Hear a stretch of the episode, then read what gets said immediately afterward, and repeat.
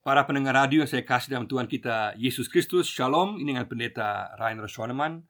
Pada saat ini kita akan merenungkan tema Kebangkitan tubuh, iman, harapan, dan pelayanan kita. Kebangkitan tubuh, iman, harapan, dan pelayanan kita.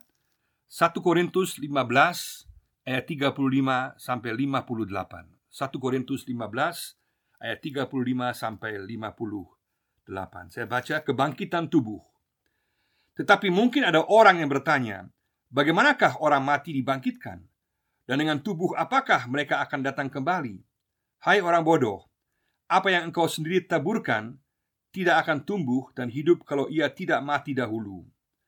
Dan yang engkau taburkan bukanlah tubuh tanaman yang akan tumbuh, tetapi biji yang tidak berkulit, umpamanya biji gandum atau biji lain. Tetapi Allah memberikan kepadanya suatu tubuh seperti yang dikehendakinya, ia memberikan kepada tiap-tiap biji tubuhnya sendiri. Bukan semua daging sama, daging manusia lain daripada daging binatang, lain daripada daging burung, lain daripada daging ikan.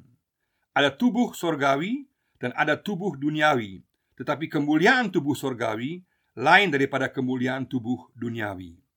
Kemuliaan matahari lain daripada kemuliaan bulan, dan kemuliaan bulan lain daripada kemuliaan bintang-bintang dan kemuliaan bintang yang satu berbeda dengan kemuliaan bintang yang lain. Demikianlah pula halnya dengan kebangkitan orang mati. Ditaburkan dalam kebinasaan, dibangkitkan dalam ketidakbinasaan. Ditaburkan dalam kehinaan, dibangkitkan dalam kemuliaan. Ditaburkan dalam kelemahan, dibangkitkan dalam kekuatan.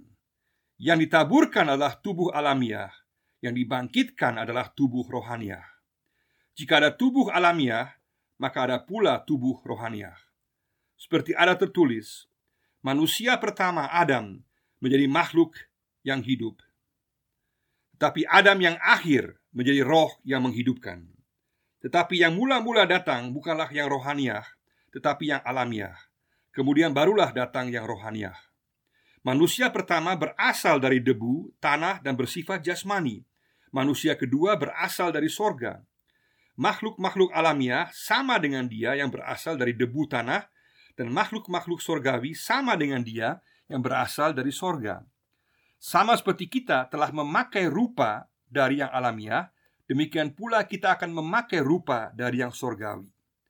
Saudara-saudara, inilah yang hendak kukatakan kepadamu, yaitu bahwa daging dan darah tidak mendapat bagian dalam kerajaan Allah, dan bahwa yang binasa tidak mendapat bagian dalam apa yang tidak binasa. Sesungguhnya aku menyatakan kepadamu suatu rahasia. Kita tidak akan mati semuanya, tetapi kita semuanya akan diubah dalam sekejap mata pada waktu bunyi nafiri yang terakhir. Sebab nafiri yang ber akan berbunyi dan orang-orang mati akan dibangkitkan dalam keadaan yang tidak dapat binasa dan kita semua akan diubah. Karena yang dapat binasa ini harus mengenakan yang tidak dapat binasa Dan yang dapat mati ini harus mengenakan yang tidak dapat mati Dan sesudah yang dapat binasa ini mengenakan yang tidak dapat binasa Dan yang dapat mati ini mengenakan yang tidak dapat mati Maka akan genaplah firman Tuhan yang tertulis Maut telah ditelan dalam kemenangan Hai maut, di manakah kemenanganmu? Hai maut, di manakah sengatmu? Sengat maut ialah dosa dan kuasa dosa ialah hukum Taurat. Tetapi syukur kepada Allah yang telah memberikan kepada kita kemenangan oleh Yesus Kristus Tuhan kita. Karena itu, saudara-saudara yang kekasih, berdirilah teguh, jangan goyah, dan giatlah selalu dalam pekerjaan Tuhan. Sebab kamu tahu bahwa dalam persekutuan dengan Tuhan, jerih payahmu tidak sia-sia. Kebangkitan tubuh, iman, harapan, dan pelayanan kita Latar belakang teks ini adalah banyak pertanyaan yang diajukan jemaat di Korintus kepada Paulus. Apakah ada kehidupan sesudah kematian? Adakah kebangkitan tubuh? Bagaimana tubuh akan bangkit? Dan kalau ada, bagaimanakah bentuk tubuh yang baru itu? Dan kalau ada kehidupan kekal, maka apakah makna hidup saat ini? Semua pertanyaan yang diajukan oleh jemaat di Korintus ini juga penting untuk kita di masa kini. Jemaat Korintus ingin tahu, kita pun juga ingin tahu, sehingga Paulus perlu sekali menjelaskan betapa pentingnya arti kebangkitan Yesus dan apa hasilnya bagi orang-orang percaya. Warga jemaat di Korintus adalah campuran dari orang-orang Yunani, Romawi, dan Yahudi, dan bangsa-bangsa lain. Mereka terutama dipengaruhi oleh filsafat Yunani yang mengatakan bahwa tidak ada kebangkitan orang mati, sama seperti golongan Saduki di Israel yang dipengaruhi oleh filsafat Yunani.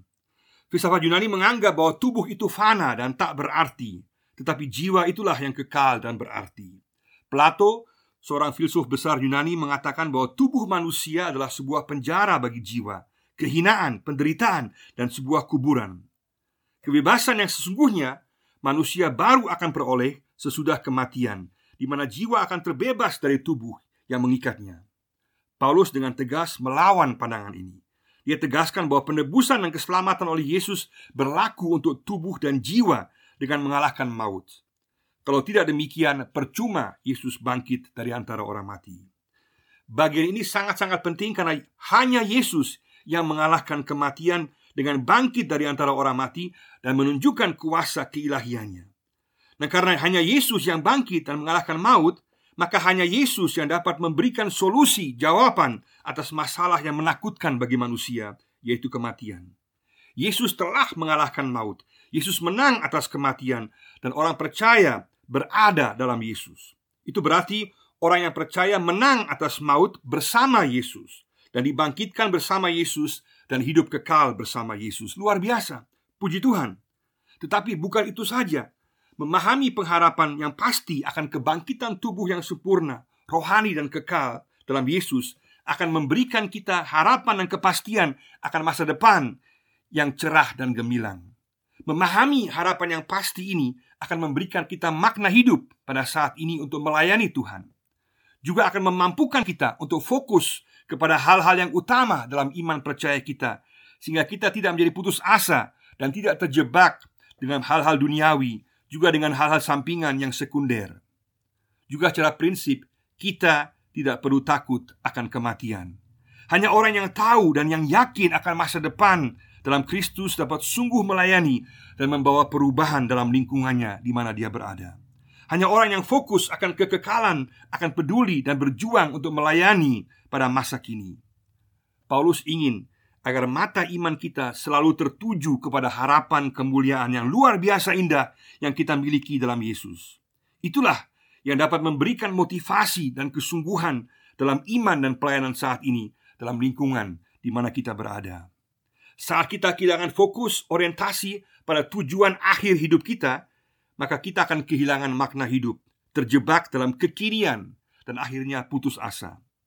Gambaran akan kepastian kebangkitan tubuh, hakikat bentuk tubuh yang baru yang akan kita miliki, dan kepastian kemenangan akan maut akan menguatkan iman kita dalam melakukan pelayanan di tengah-tengah jemaat dan dunia. Ada lima hal mendasar yang Paulus ingin tekankan dalam perikop dan akan saya jelaskan di sini secara singkat sesuai dengan alur teks. Yang pertama Paulus tekankan adalah kepastian kebangkitan tubuh. Kepastian kebangkitan tubuh ayat 35 sampai ayat 41. Paulus memberikan jawaban tentang bagaimana kehidupan bisa muncul atau timbul dari kematian. Mengapa Paulus menyebut pertanyaan itu bodoh? Karena jawabannya ada di depan mata dan terlihat jelas dalam kehidupan alam semesta hari demi hari.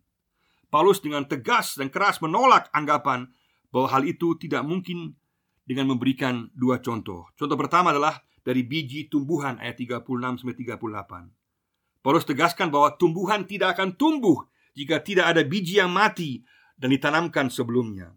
Seperti misalnya biji gandum yang mati dan menghasilkan tumbuhan yang baru. Hal yang sama Yesus tekankan dalam Yohanes 12 ayat 24 untuk menekankan bahwa kematiannya akan membawa kehidupan bagi orang yang percaya kepadanya. Biji gandum yang mati dan hancur menghasilkan sebuah tumbuhan baru. Demikian pula dari tubuh yang fana yang hancur, Allah akan membangkitkan tubuh yang baru yang mulia. Dan ini adalah karya Yesus yang memberikan kehidupan. Kesimpulan pertama di sini adalah tubuh rohani baru kita kita peroleh melalui kematian. Paulus memberikan contoh yang kedua dari contoh banyaknya kebentuk yang berbeda dari makhluk hidup yang masing-masing beradaptasi dengan lingkungannya. Ayat 39. Seperti burung di udara, ikan dalam laut, dan binatang melata di darat. Maksudnya, manusia sebagai keturunan Adam diberikan tubuh yang cocok untuk keberadaan dunia saat ini. Tetapi saat bangkit dari kematian akan diberikan tubuh rohani yang sesuai dengan keberadaan surga. Paulus kemudian dalam ayat 40 menyimpulkan ada perbedaan tubuh duniawi dan tubuh surgawi. Ada perbedaan antara kemuliaan tubuh duniawi dan tubuh surgawi. Kesimpulan kedua adalah tubuh rohani baru kita akan berbeda dengan tubuh saat ini dan akan disesuaikan dengan realita surgawi. Paulus juga menjelaskan bahwa kemuliaan matahari berbeda dengan kemuliaan bulan dan berbeda dengan bintang-bintang ayat 41. Maksudnya adalah masing-masing mempunyai ciri individu sendiri. Demikian pula setiap orang percaya akan memperoleh tubuh rohani yang baru yang dimuliakan dengan ciri kepribadian individu masing-masing. Kesimpulan ketiga adalah tubuh rohani baru kita akan tetap memiliki ciri individu kita. Mari sama-sama kita bersyukur bahwa kita memiliki kepastian kebangkitan tubuh rohani yang baru saat kematian. Kita memperoleh tubuh yang berbeda dengan tubuh saat ini dan yang akan disesuaikan dengan realitas surga. Kita boleh bersyukur bahwa individu kepribadian kita akan tetap dikenal oleh Allah. Puji Tuhan. Yang kedua yang Paulus ingin tekankan di sini adalah lima ciri hakikat bentuk tubuh yang dibangkitkan. Lima ciri hakikat bentuk tubuh yang dibangkitkan ayat 42 sampai 50. Paulus menjelaskan mengenai bagaimana hakikat bentuk tubuh kebangkitan yang baru yang akan diperoleh orang percaya. Paulus menjelaskan perbedaan yang besar antara tubuh rohani baru kita dengan tubuh jasmani kita saat ini. Ini Paulus buat dengan membuat pertentangan atau antitesis pertentangan supaya menjadi jelas. Yang pertama, ciri pertama adalah tubuh rohani baru kita adalah ketidakbinasaan kekal, tidak dapat dihancurkan. Berbeda dengan tubuh jasmani kita sekarang yang dalam kebinasaan, yang hancur dan akan menjadi debu. Yang kedua, tubuh rohani baru kita bercirikan kemuliaan kekal, indah, mulia, tidak bisa diungkapkan dengan kata-kata. Sedangkan tubuh jasmani kita saat ini adalah kehinaan dalam arti rendah dibandingkan dengan kemuliaan yang akan kita peroleh. Yang ketiga, tubuh rohani baru kita yang akan kita peroleh adalah penuh dengan kekuatan, kuasa dalam Yesus.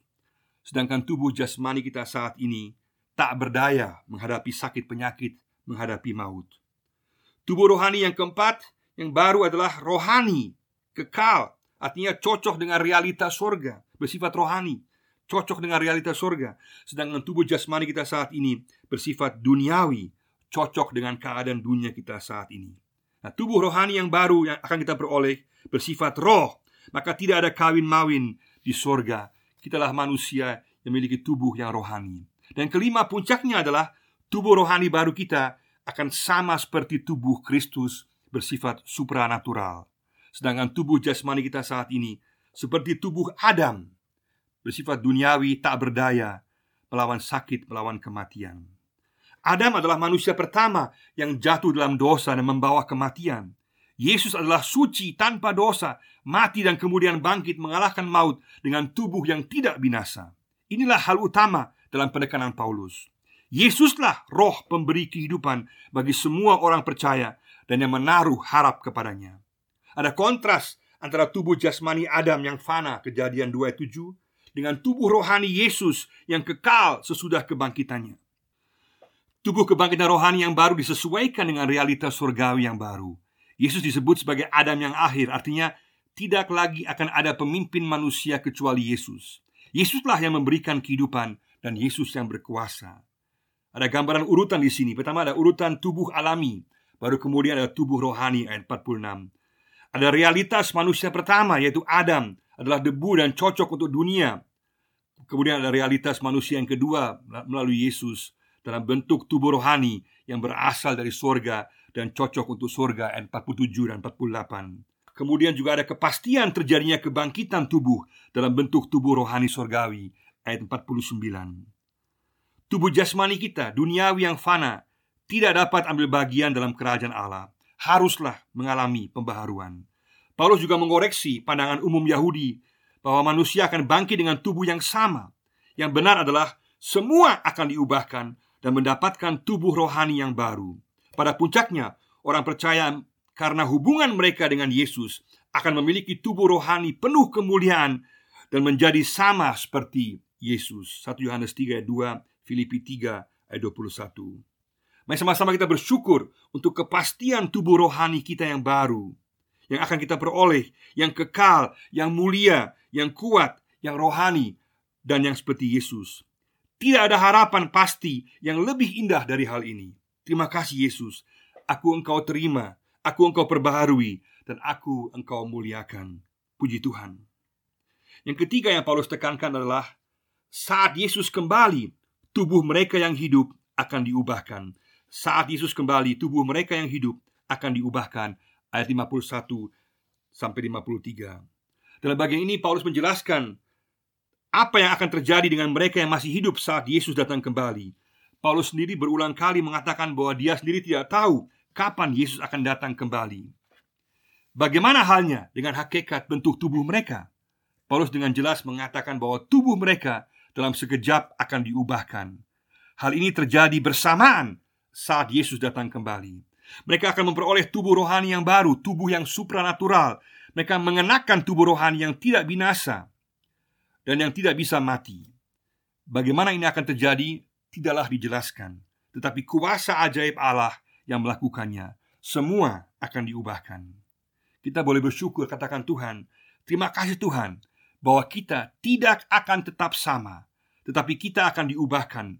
Kelemahan, kesakitan, penderitaan, kefanaan tubuh kita tidak akan ada lagi.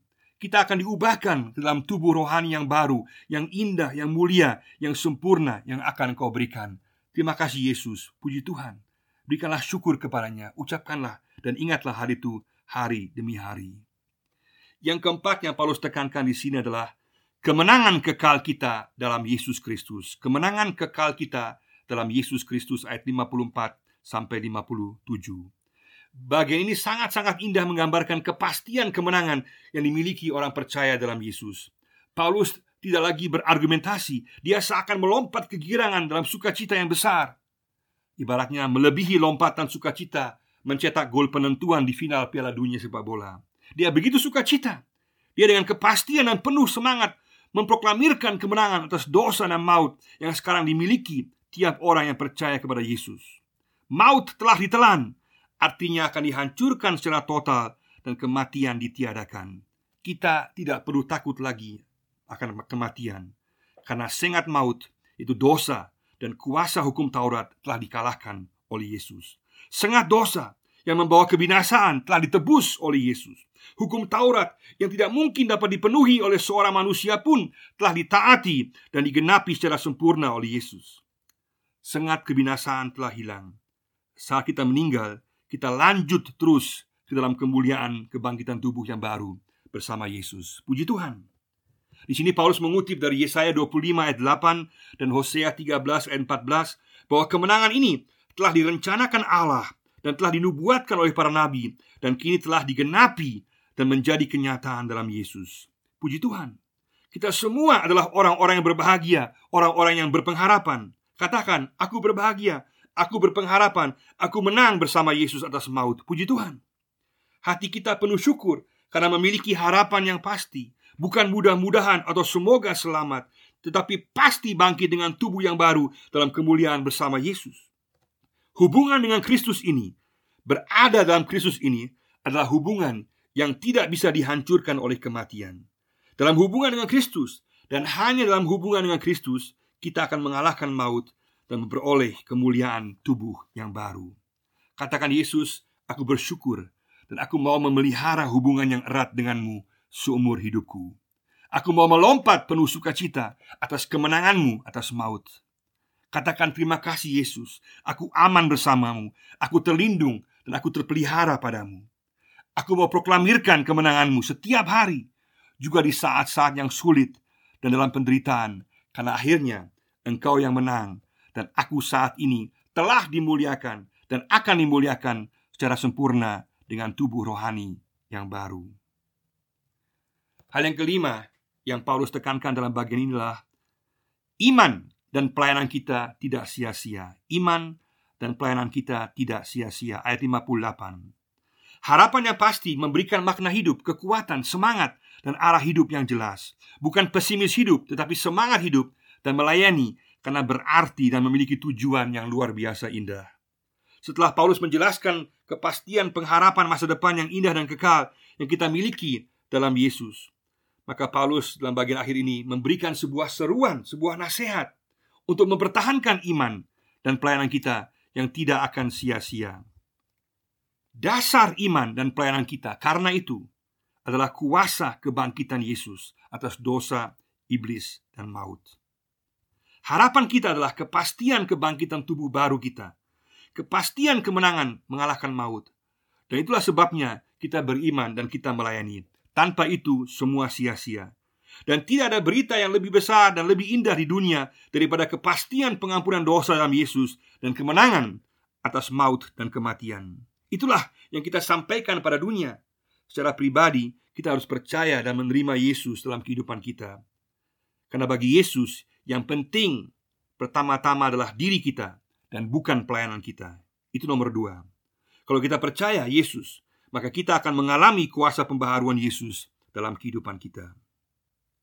Sikap dan cara iman dan pelayanan kita adalah berdirilah teguh, jangan goyah, dan giatlah selalu. Artinya tetap yakin akan kuasa Injil yang membawa pengampunan dosa, memperbaharui hidup, dan memberikan hidup yang kekal. Ini juga berarti tidak kompromi, tapi sungguh menyampaikan isi Injil sebagaimana kehendak Yesus. Tetap rajin dan setia dalam melaksanakan pekerjaan Tuhan. Isi pelayanan kita adalah pekerjaan Tuhan. Artinya sesuai dengan kesaksian surat Korintus dan juga surat-surat Paulus secara keseluruhan, yaitu penginjilan, pastoral, pengajaran, dan sosial diakonia termasuk pemberdayaan. Ini harus sungguh menjadi fokus dan harus diterjemahkan dalam pola-pola dan cara-cara yang sesuai dengan keadaan jemaat dan masyarakat setempat dan juga dari generasi ke generasi. Yang penting adalah memiliki kepekaan akan kebutuhan dan jenis pelayanan yang aktual. Kuasa pelayanan kita adalah dalam persekutuan dengan Tuhan. Ini berarti hubungan kita secara pribadi dengan Yesus menentukan. Karena hanya di dalam Dia kita ada kekuatan, kuasa, penghiburan dalam pelayanan.